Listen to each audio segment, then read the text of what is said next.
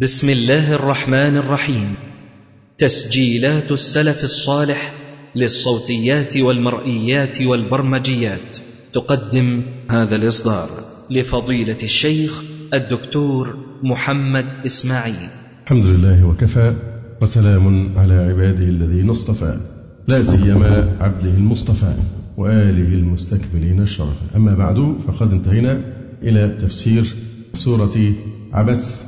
وهي السورة الثمانون في ترتيب المصحف الشريف وآياتها ثنتان وأربعون آية وهي سورة مكية. وتسمى أيضا سورة الصاخة لأن هذا الاسم من أسماء يوم القيامة قد ورد فيها. يقول الله تعالى بسم الله الرحمن الرحيم. عبس وتولى. عبس أي النبي صلى الله عليه وسلم. كلح أي تكسر وجهه عابسا. وتولى. أي أعرض لأجل أن جاءه الأعمى وهو عبد الله بن أم مكتوم فقطعه عما هو مشغول به ممن يرجو إسلامه من أشراف قريش الذين هو حريص على إسلامهم. ولم يدر الأعمى أنه مشغول بذلك فناداه علمني مما علمك الله. فانصرف النبي صلى الله عليه وآله وسلم إلى بيته فعوتب في ذلك بما نزل في هذه السورة. يقول الجلال المحلي فكان بعد ذلك يقول له إذا جاء مرحبا بمن عاتبني فيه ربي ويبسط له رداءه. قوله تعالى عبس وتولى إلى آخر الآيات أخرج الترمذي وحسنه والحاكم وصححه. وابن حبان عن أم المؤمنين عائشة رضي الله تعالى عنها قالت أنزلت سورة عبس وتولى في ابن أم مكتوم الأعمى. أتى رسول الله صلى الله عليه وسلم فجعل يقول يا رسول الله أرشدني. وعند رسول الله صلى الله عليه وسلم رجل من عظماء قريش هو أبي بن خلف.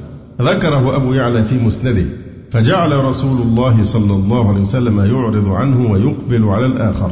فيقول له أترى بما أقول بأسا؟ فيقول لا. فنزلت عبس وتولى أن جاءه الأعمى إلى آخر الآيات.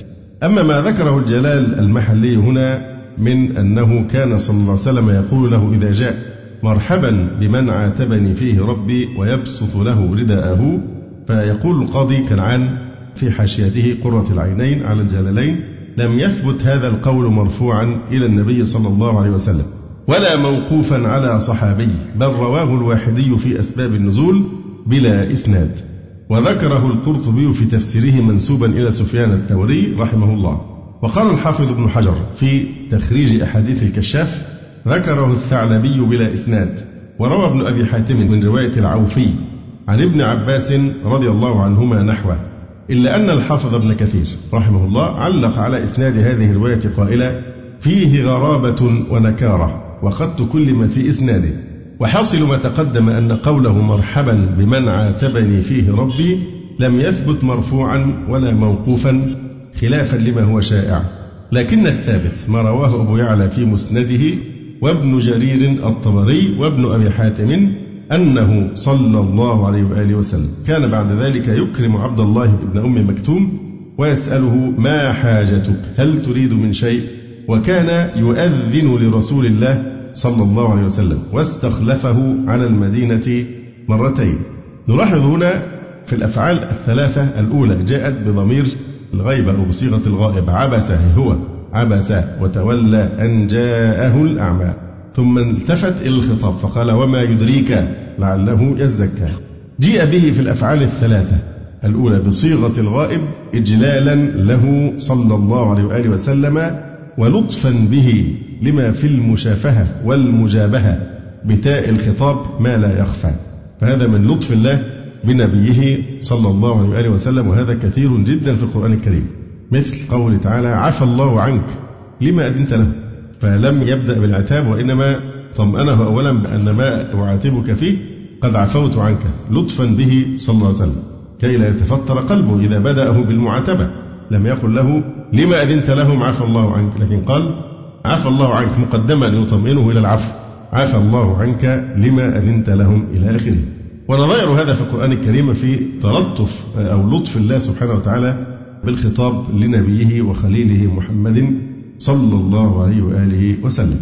فلم يقل عبست وتوليت أن جاءك الأعمى وإنما قال عبس وتولى هذه ألطف وأخف عليه. مثلا فإن قد نعلم إنه ليحزنك الذي يقولون فإنهم لا يكذبونك. ولكن الظالمين بآيات الله يجحدون. فهذا بغاية اللطف لأن النبي صلى الله عليه وسلم كان يشق عليه جدا أن يوصف بالكذب أن يصفه المشركون بالكذب وهو أصدق خلق الله. فكان يشق ذلك عليه جدا. فخفف الله عنه بقوله إنني أعلم ما في قلوبهم وما في قلوبهم هو أنهم يعلمون أنك صادق. ولكن هذا التكذيب في الظاهر هو جحود وليس لأنهم يعتقدون كذبك. قد هنا للتحقيق قد نعلم إنه لا يحزنك الذي يقولون فإنهم لا يكذبونك ولكن الظالمين بآيات الله يجحدون. وما يدريك لعله يزكى. ما إعراب الكف وما يدريك. مفعول به أول. وما يدريك ما يعلمك لعله يزكى. طبعا المفعول الثاني هو جملة الترجي. في محل نصب مفعول ثاني. وما يدريك لعله يزكى. فيه إدغام التاء في الأصل في الزاي. يعني أصلها إيه؟ يتزكى. فأدغمت التاء في الزاي فصارت يزكى. أي يتطهر من الذنوب بما يسمع منك. أو يذكر فيه فتنفعه الذكرى. أو يذكر فيه إدغام التاء في الأصل في الذال. أو يتذكر أصلها. فأدغمت التاء في الذال فصارت أو يذكر. أي يطعه فتنفعه الذكرى. هنا قراءتان. هناك قراءة بالرفع فتكون الفاء إيه؟ يعني عاطفة على إيه؟ أو يذكر لعله يزكى أو يذكر فتنفعه. الفاء عاطفة ففي هذه الحالة تكون تعليل قراءة الإيه؟ الرفع فتنفعه الذكر فالفاء عاطفة. أي العظة المسموعة منك. وفي قراءة بنصب تنفعه أو يذكر فتنفعه الذكرى فالفاء هنا إيه؟ سببية وهذا جواب الترجي فتنفعه الذكرى جواب الترجي. أما من استغنى فأنت له تصدى. ما نوع أما؟ حرف شرط وتفصيل. أما من استغنى أي بالمال فأنت له تصدى أي تتعرض له بالإقبال عليه. وفي قراءة بتجديد الصاد بإدغام التاء الثانية في الأصل فيها. أي تصدى أي تقبل وتتعرض. وهذا لف ونشر مرتب للمعنى والقراءة. أما من استغنى فأنت له تصدى وأما من جاءك يسعى وهو يخشى فأنت عنه تلهى. قوله وما عليك ألا يزكى. الواو هنا حالية. وما عليك وما نافية. وما عليك ألا يزكى. ما إعراب عليك؟ خبر. مقدم. وما عليك واو حالية وما نافية. عليك خبر مقدم. ألا يزكى أن وما في حيزها. مبتدأ مؤخر. يعني ليس عليك بأس في عدم تزكيته بالإسلام. فمعنى يزكى يؤمن. وأما من جاءك يسعى. آه، يسعى طبعا إعرابها إيه؟ فهي حال من الحال. فيسمى حالا متداخلة. وما عليك ألا يزكى. وأما من جاءك يسعى وهو يخشى فيسعى حال وهو يخشى أيضا إيه؟ حال من فاعل يسعى وهو الأعمى. فهذا هذه حال متداخلة. وطبعا هذا فيه إشارة لأدب العلم أدب العلم أنه يؤتى. وأما من جاءك يسعى هذه أيضا حال. وهو يخشى هذه كلها آداب طالب العلم وأنه هو الذي يسعى إلى معلمه. وأما من جاءك يسعى طبعا يسعى حال من فاعل جاءك وهو يخشى الله هذا حال من فاعل يسعى وهو الأعمى فهي حال متداخلة. فأنت عنه تلهى في حذف التاء الأخرى في الأصل يعني أصلها تتلهى حذفت التاء فأنت عنه تلهى أي تتشاغل. فمعنى تتلهى هنا تتشاغل. وطبعا فأنت عنه تلهى ليس هو من اللهو في شيء إطلاقا لا يمكن أن تفسر تتلهى على أنها من إيه؟ من اللهو لكنها من لها بكذا يلهى أي تشاغل. فهذا ليس من اللهو في شيء لأنه مسند إلى ضمير النبي صلى الله عليه وآله وسلم. ولا يليق بمنصبه الكريم أن ينسب إليه الفعل من اللهو. بخلاف الاشتغال فإنه يجوز أن يصدر عنه في بعض الأحيان. كلا إنها تذكرة. كلا حرف ردع وزجر لكل إنسان. عن ارتكاب مثل المعاتب عليه. كلا أي لا تفعل مثل ذلك. إنها تذكرة إنها أي السورة أو الموعظة أو الآيات. كلا إنها تذكرة عظة للخلق. فمن شاء ذكره في صحف مكرمة. ما نوع الفاء؟ اعتراضية. لأن هي إيه؟ كلا إنها تذكرة في صحف مطهرة. لكن الجملة الاعتراضية إيه؟ فمن شاء ذكره. في صحف مطهرة فلذلك إعراب في صحف إيه بقى؟ خبر ثاني. كلا إنها تذكرة تذكرة خبر أول. في صحف مطهرة خبر ثاني. لكن جملة فمن شاء ذكره دي جملة إيه؟ اعتراضية. طبعا لا محل لها من الإعراب. فالفاء هنا اعتراضية. فمن شاء أي الاتعاظ ذكره. يقول فمن شاء ذكره أي حفظ ذلك فاتعظ به. في صحف خبر ثان لإنها وما قبله اعتراض لا محل لها من الإعراب. في صحف مكرمة أي عند الله مرفوعة أي في السماء مطهرة منزهة من مس الشياطين. بأيدي سفرة كتبة ينسخونها من اللوح المحفوظ. بأيدي سفرة. السفرة جمع سافر وهو الكاتب مثل كاتب وكتبة. كذلك سافر وسفرة. بأيدي سفرة كرام بررة. مطيعين لله تعالى وهم الملائكة.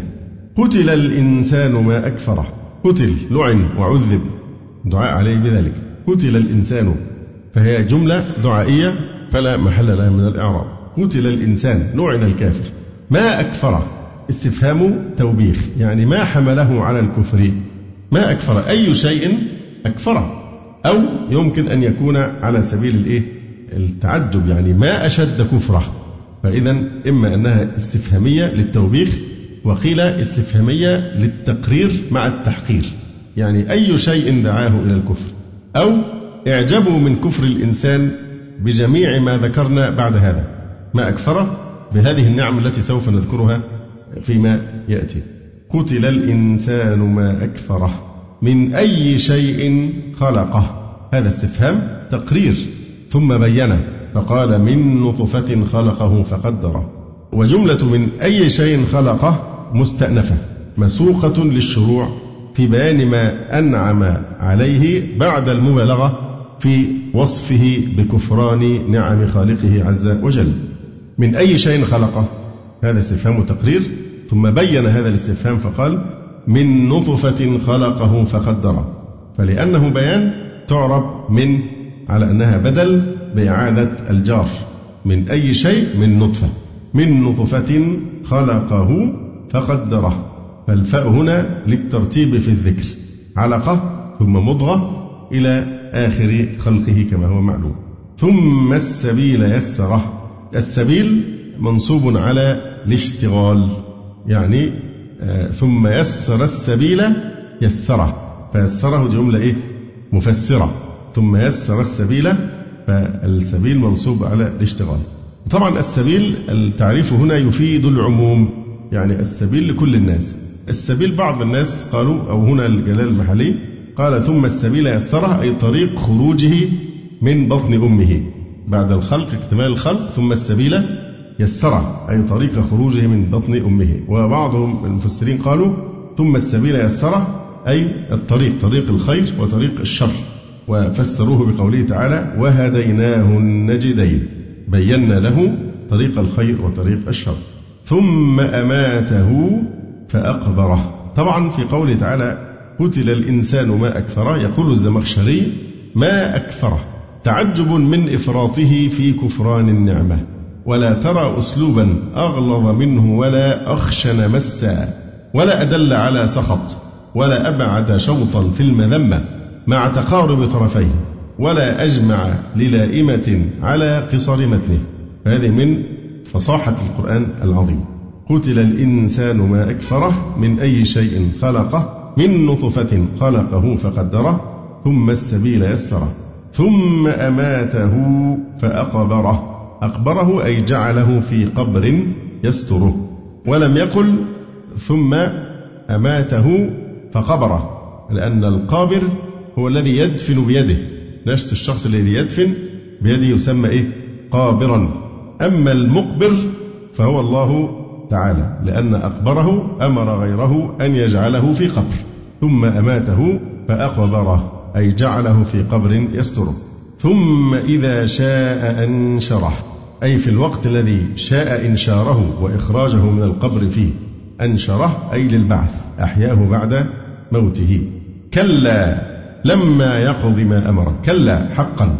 فكلا ردع وزجر للإنسان المسترسل في عمايته المغتر باغتراره المتطاول تيها بعجبه وجزم بلما. كلا لما يقض ما أمره للدلالة على أن العجب والكبر ما زالا يلازمان الإنسان حتى الساعة التي هو فيها. كلا أي حقا لما يقض ما أمره لما يفعل ما أمره به ربه عز وجل فالإنسان مقصر مهما فعل. فلينظر الإنسان إلى طعامه. فلينظر الإنسان هذا كلام مستأنف مسوق للشروع في تعداد النعم المترادفة على الإنسان. فلينظر الإنسان نظر اعتبار إلى طعامه. ليس المقصود أن ينظر مجرد النظر. أو ليستمتع بالنظر ولكن ينظر نظرة الاعتبار والتأمل. وهذا أحد الأدلة على أن التفكر فريضة من فرائض الدين. هذا أحد المواضع. فلينظر الإنسان مما خلق. التفكر في هذا أيضا واجب لأن صيغة الأمر ظاهرها الوجوب. فلينظر الإنسان إلى طعامه فيجب على كل إنسان أن يمتثل هذا الأمر ويتفكر في هذه النعمة. فلينظر الإنسان نظر اعتبار إلى طعامه. كيف قدر ودبر له أن صببنا الماء صبا. ما إعراب أن صببنا؟ أيوة بدل إيه؟ أحسنت. بدل اشتمال. مظبوط. أحسنت. أن صببنا الماء صبا. طبعا بدل اشتمال فهي في تأويل مصدر. في محل جر بدل اشتمال من إيه بقى؟ من طعامه. فينظر الإنسان إلى طعامه أن صببنا الماء صبا. صببنا الماء من السحاب. على الأرض صبا أي بغزارة. ثم شققنا الأرض شقا. ثم شققنا الأرض بالنبات شقا. فأنبتنا فيها حبة كالحنطة والشعير وعنبا وقبا وهو القت الرطب علفا للدواب وزيتونا ونخلا أي شجرة الزيتون والنخيل وحدائق غلبا يعني بساتين كثيرة الأشجار. غلبا جمع أغلب كحمر في أحمر وحمراء. يقال حديقة غلباء يعني غليظة الشجر ملتفة الحدائق. وفيه تجوز في الإسناد لأن الحدائق نفسها ليست غليظة وإنما الغليظ هو إيه؟ أشجارها. يعني المقصود وحدائق غلبة أي حدائق ذات أشجار غلاظ. يقال أسد أغلب. أي غليظ العنق والقلب والأصل في الوصف بالغلب الرقاب فاستعير. الأصل في استعمال الغلب غلظ الإيه؟ الرقبة فاستعير للأشجار ولغيرها. فإذا معنى حدائق غلبة بساتين هو يقول هنا بساتين كثيرة الأشجار. الأدق إن إحنا نقول إيه؟ حدائق غلبة أي بساتين أو حدائق إيه؟ غليظة الشجر أو ذات أشجار غلاظ. هذا معنى غلبة. وحدائق غلبا وفاكهة وأبا. الأب ما ترعاه البهائم وقيل التبن. والأب المرعى الذي لم يزرعه الناس مما تأكله الدواب والأنعام. المرعى الحشائش التي تنبت إيه؟ بطريقة ربانية محضة ليس بتسبب الإنسان. والغريب الناس بيسموه زرع الإيه؟ والعياذ بالله الشيطاني. لا هو رباني. فالأب المرعى الذي لم يزرعه الناس مما تأكله الدواب والأنعام. ذلك قال هنا ما ترعاه البهائم وقيل التبن. هنا ملاحظة وهي أن الصحابة رضي الله تعالى عنهم وهم أهل الحجاز وهم أصحاب اللغة التي نزل بها القرآن الكريم لم يفهموا بعض الغريب في آيات الكتاب العزيز. فقد أخرج أبو عبيد في الفضائل عن إبراهيم التيمي أن أبا بكر الصديق رضي الله عنه. سئل عن قوله تعالى وفاكهة وأبا. فقال أي سماء تظلني؟ وأي أرض تقلني؟ إن أنا قلت في كتاب الله ما لا أعلم. ونقل عن أنس أن عمر بن الخطاب رضي الله تعالى عنه قرأ على المنبر وفاكهة وأبا. فقال هذه الفاكهة قد عرفناها. فما الأب؟ ثم رجع إلى نفسه فقال إن هذا لهو التكلف يا عمر. لأن السياق واضح وفاكهة وأبا متاعا لكم ولأنعامكم دي فيها إيه؟ فيها إيه من البلاغة؟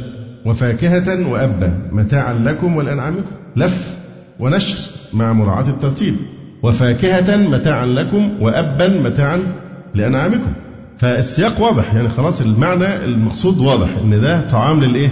تتناوله الدواب آه، فلما قرأ الآية قال هذه الفاكهة قد عرفناها فما الأب ثم رجع إلى نفسه فقال إن هذا لهو التكلف يا عمر وما عليك يا ابن أم عمر ألا تدري ما الأب؟ ثم قال اتبعوا ما تبين لكم من هذا الكتاب وما لا فدعوه علق الزمخشري على قول عمر رضي الله تعالى عنه تعليقا بديعا حيث قال الزمخشري فإن قلت فهذا يشبه النهي عن تتبع معاني القرآن. هل يمكن أن يفهم من قول أمير المؤمنين عمر رضي الله تعالى عنه؟ النهي عن أن إحنا ندرس علم غريب القرآن غريب القرآن وهي الألفاظ التي التي تحتاج لتتبع في فهم معانيها. أو البحث عن مشكلات ألفاظ القرآن الكريم. قلت أي الزمخشري لم يذهب إلى ذلك. عمر ما قصد ذلك رضي الله عنه. ولكن القوم كانت أكبر همتهم عاكفة على العمل. كل هم الصحابة كان إيه؟ العمل العلم من أجل العمل. وكان التشاغل بشيء من العلم لا يعمل به تكلفا عندهم. فأراد أن الآية مسوقة في الامتنان على الإنسان بمطعمه واستدعاء شكره.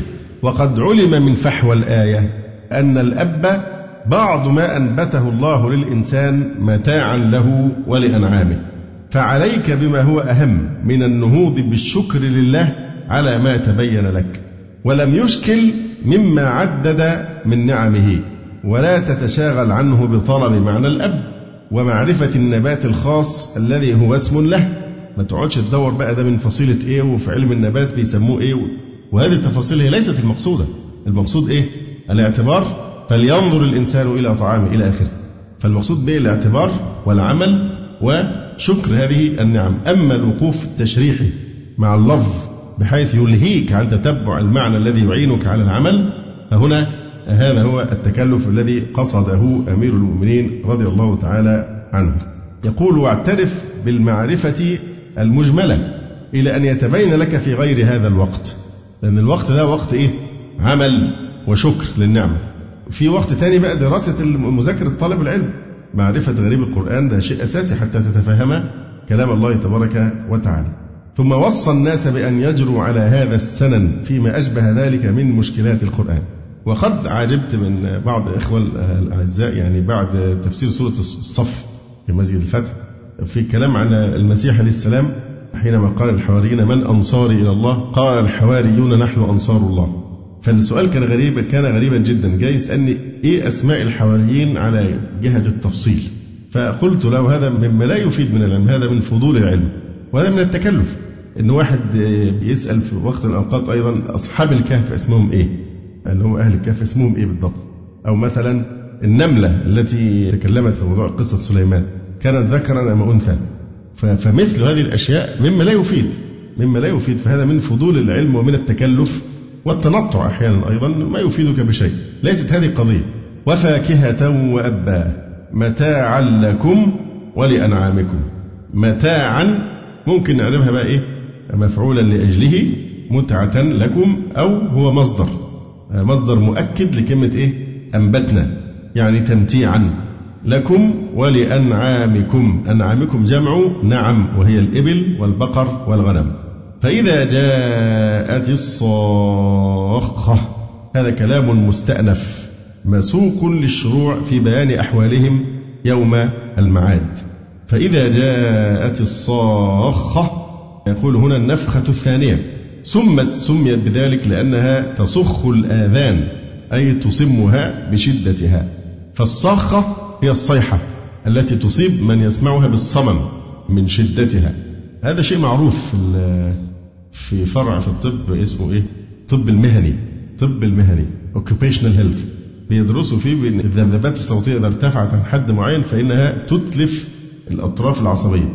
يعني الشيء إذا زاد على حده ينقلب إلى ضد الجماعة اللي بيشتغلوا مع نابر الغزل مثلا والأصوات العالية الجماعة اللي بيشتغلوا في الإيه؟ في تقطيع الإيه؟ الرخام. بصوت مزعج جدا جدا. فطبعا مع الوقت ده بيفقد الإيه؟ السمع. لأن الصوت العالي يتلف الإيه؟ النهايات العصبية للأعصاب السمعية. فبالتالي الصوت عالي قوي فيحدث مع الوقت الإيه؟ الصمم أو على الأقل بيقل السمع. ده دور المفروض يحصل لهم نوع من الحماية اللي ما يتعرضوش للاصوات العالية. زي اللي بيشتغلوا بالبلدوزر برضه في الشوارع. لأن هو بيفضل على طول بيسمع. أنت بتمر بس لا تتحمل هذا الصوت. فما بالك بمن يعني هو باستمرار يعمل في مثل هذه الأعمال. فالصرخة هي الصيحة تصم بشدتها. يقال صخ الصوت.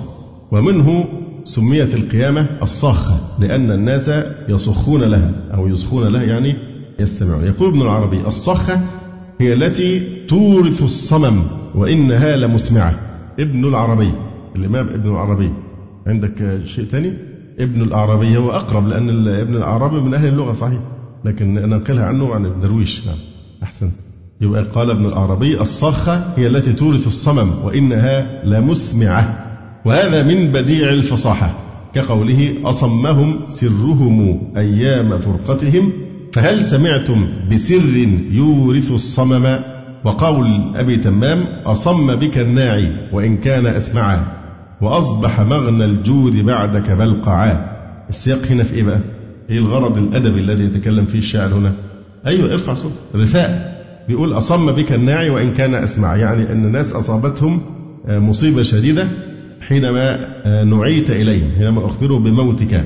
وإن كان هذا الناعي قد أسمعهم الخبر لكنه في نفس الوقت إيه أصابهم بالصمم من شدة وقعه على قلوبهم وأسماعهم أصم بك الناعي وإن كان أسمعا وأصبح مغنى الجود بعدك بلقعا.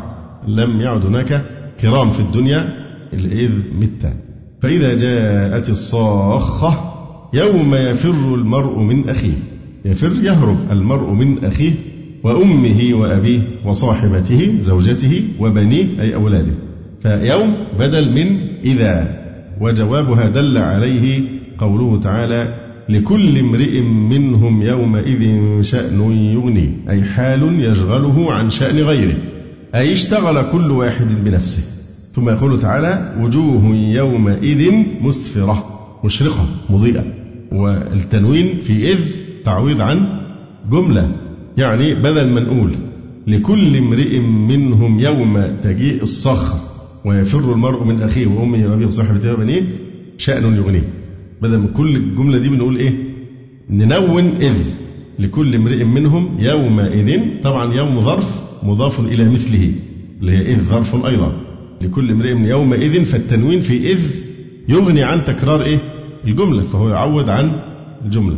لكل امرئ منهم يومئذ شأن يغنيه أي اشتغل كل واحد بنفسه. وجوه يومئذ مسفرة مشرقة مضيئة ضاحكة مستبشرة أي فرحة بما آتاها الله من الكرامة. وطبعا هم المؤمنون. آه، ضاحكة خبر ثان مستبشرة خبر ثالث. ووجوه يومئذ عليها غبرة أي غبار ترهقها تغشاها. قترة أي ظلمة وسواد. يقال رهقه أي غشيه. يقول تعالى ولا يرهق وجوههم قتر ولا ذلة. ترهقها قترة قترة ظلمة وسواد. كالدخان. ولا ترى أوحش من اجتماع الغبرة والسواد في الوجه. أولئك أي أهل هذه الحالة هم الكفرة الفجرة أي الجامعون بين الكفر والفجور. هنا بعض الإشارات في تفسير القاسمي في محاسن التأويل. قال الرزي أجمع المفسرون على أن الذي عبس وتولى هو الرسول صلى الله عليه وآله وسلم وأجمعوا أن الأعمى هو ابن أم مكتوم. قال الشهاب وهو مكي قرشي من المهاجرين الأولين وكان النبي صلى الله عليه وسلم يستخلفه على المدينة في أكثر غزواته وكان ابن خال خديجة أم المؤمنين رضي الله تعالى عنها. قيل عمي رضي الله عنه بعد نور وقيل ولد أعمى. ولذلك لقبت أمه أم مكتوم. والتعرض لعنوان عماه أن جاءه الأعمى. فلماذا ذكر الله سبحانه وتعالى هنا أو تعرض النظم الكريم إلى ذكره بوصف الإيه؟ العمى. إما لتمهيد عذره في الإقدام على قطع كلامه صلى الله عليه وسلم وتشاغله بالقول. تمهيد العذر بيان أنه معذور لأنه لم يرى النبي صلى الله عليه وسلم مشغولا مع أشراف قريش. فبسبب عماه لم يرى ذلك فهنا إبداء لعذره أنه لسبب هذا الأمر لم يستطع أن يدرك أنه عليه أن يتوقف إلى أن يفرغ النبي صلى الله عليه وسلم من كلام هؤلاء القوم. أو أن جاءه الأعمى المقصود منها زيادة الإنكار على النبي صلى الله عليه وسلم كأنه قيل تولى لكونه أعمى وكان يجب أن يزيده لعماه تعطفا وترأفا وتقريبا وترحيبا.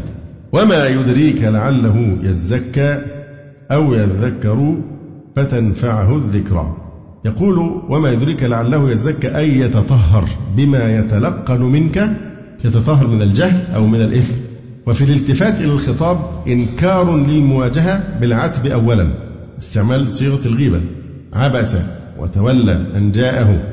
إذ في الغيبة إجلال له صلى الله عليه وسلم لإيهام أن من صدر منه ذلك غيره لأنه لا يصدر عنه مثله كما أن في الخطاب وما يدريك كما أن في الخطاب إيناسا بعد الإيحاش وإقبالا بعد إعراض وكلمة لعل مع تحقق التزكي لعل تفيد إيه؟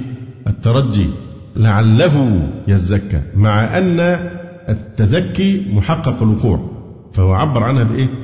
بلعل التي تفيد الترجي. وهذه واردة على سنن الكبرياء أو على اعتبار معنى الترجي بالنسبة إليه صلى الله عليه وسلم. للتنبيه على أن الإعراض عنه عند كونه مرجو التزكي مما لا يجوز. ده مجرد حتى وجود احتمال أن يتزكى لعله يتزكى ومع ذلك الإعراض عنه مع احتمال أن يتزكى واحتمال لا. لا يجوز. فكيف إذا كان مقطوعا بالتزكي؟ فهو أولى ثم أولى ألا يعرض عنه. كما في قولك لعلك ستندم على ما فعلت. وفيه إشارة إلى أن إعراضه كان لتزكية غيره وأن من تصدى لتزكيتهم من الكفرة لا يرجى منهم التزكي والتذكر أصلا. فأيضا هو صلى الله عليه وسلم كان حريصا على تحصيل مقصد شرعي أو يذكر فتنفعه الذكرى. أي يعتبر ويتعظ فتنفعه موعظتك. وتقديم التزكية على التذكر من باب تقديم التخلية على التحلية.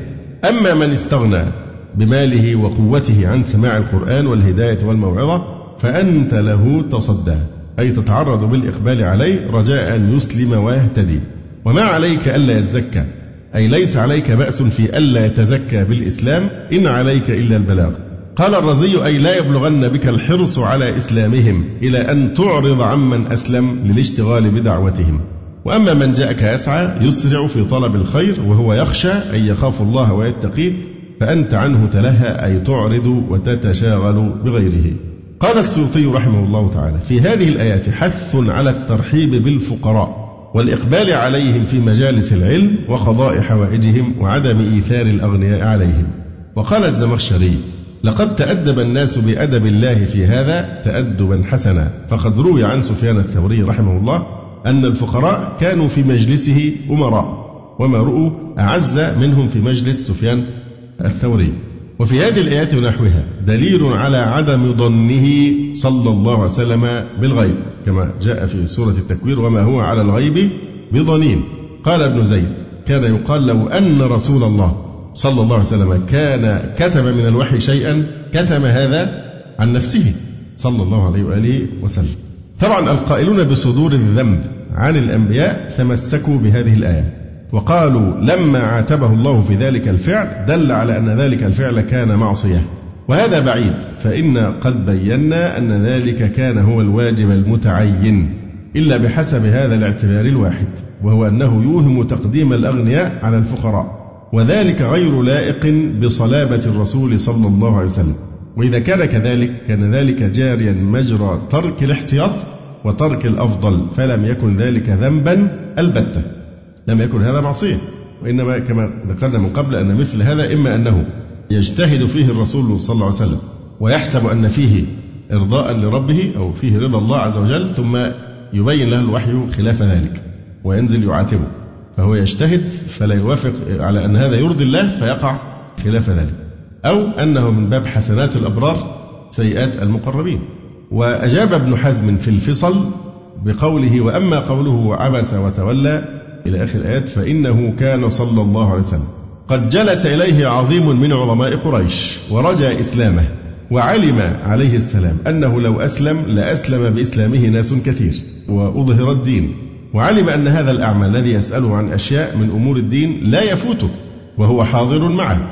فاشتغل عنه صلى الله عليه وسلم بما خاف فوته من عظيم الخير عما لا يخاف فوته.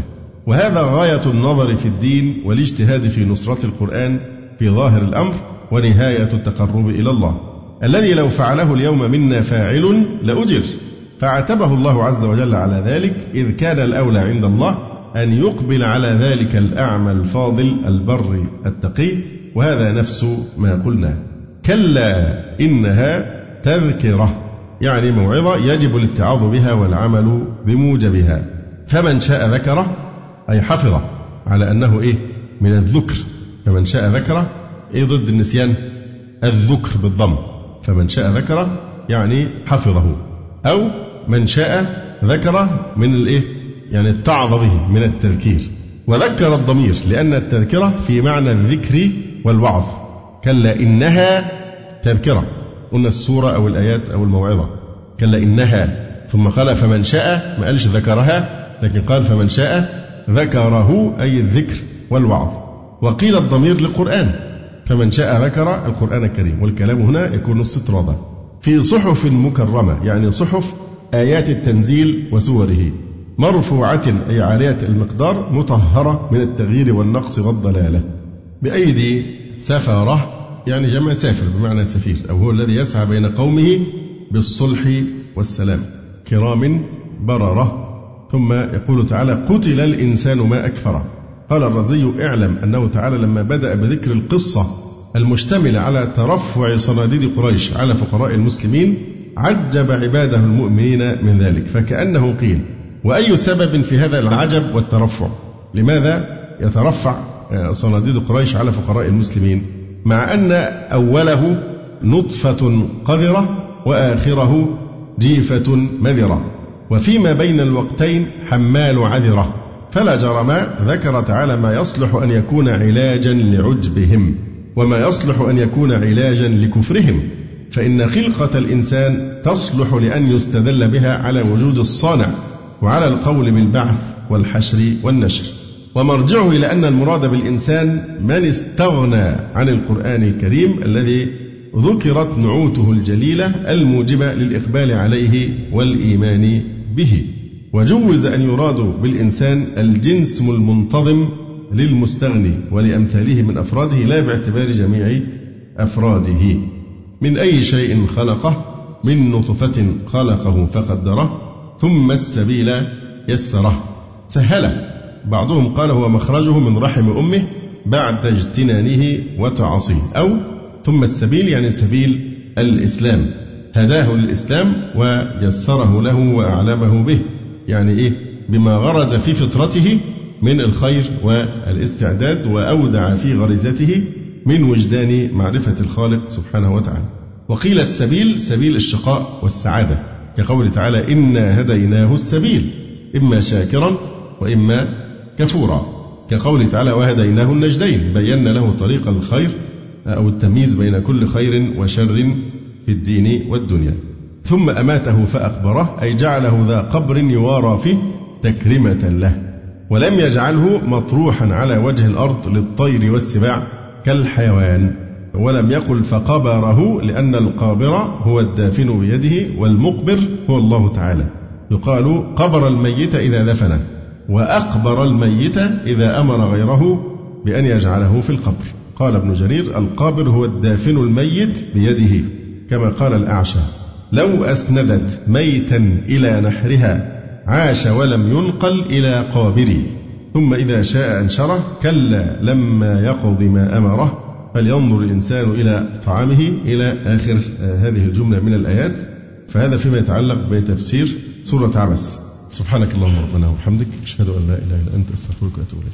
جزى الله فضيلة الشيخ خير الجزاء ونسأل الله جل وعلا أن يرفع مكانة الشيخ في المهديين وأن يجعله علما من أعلام الهدى والدين.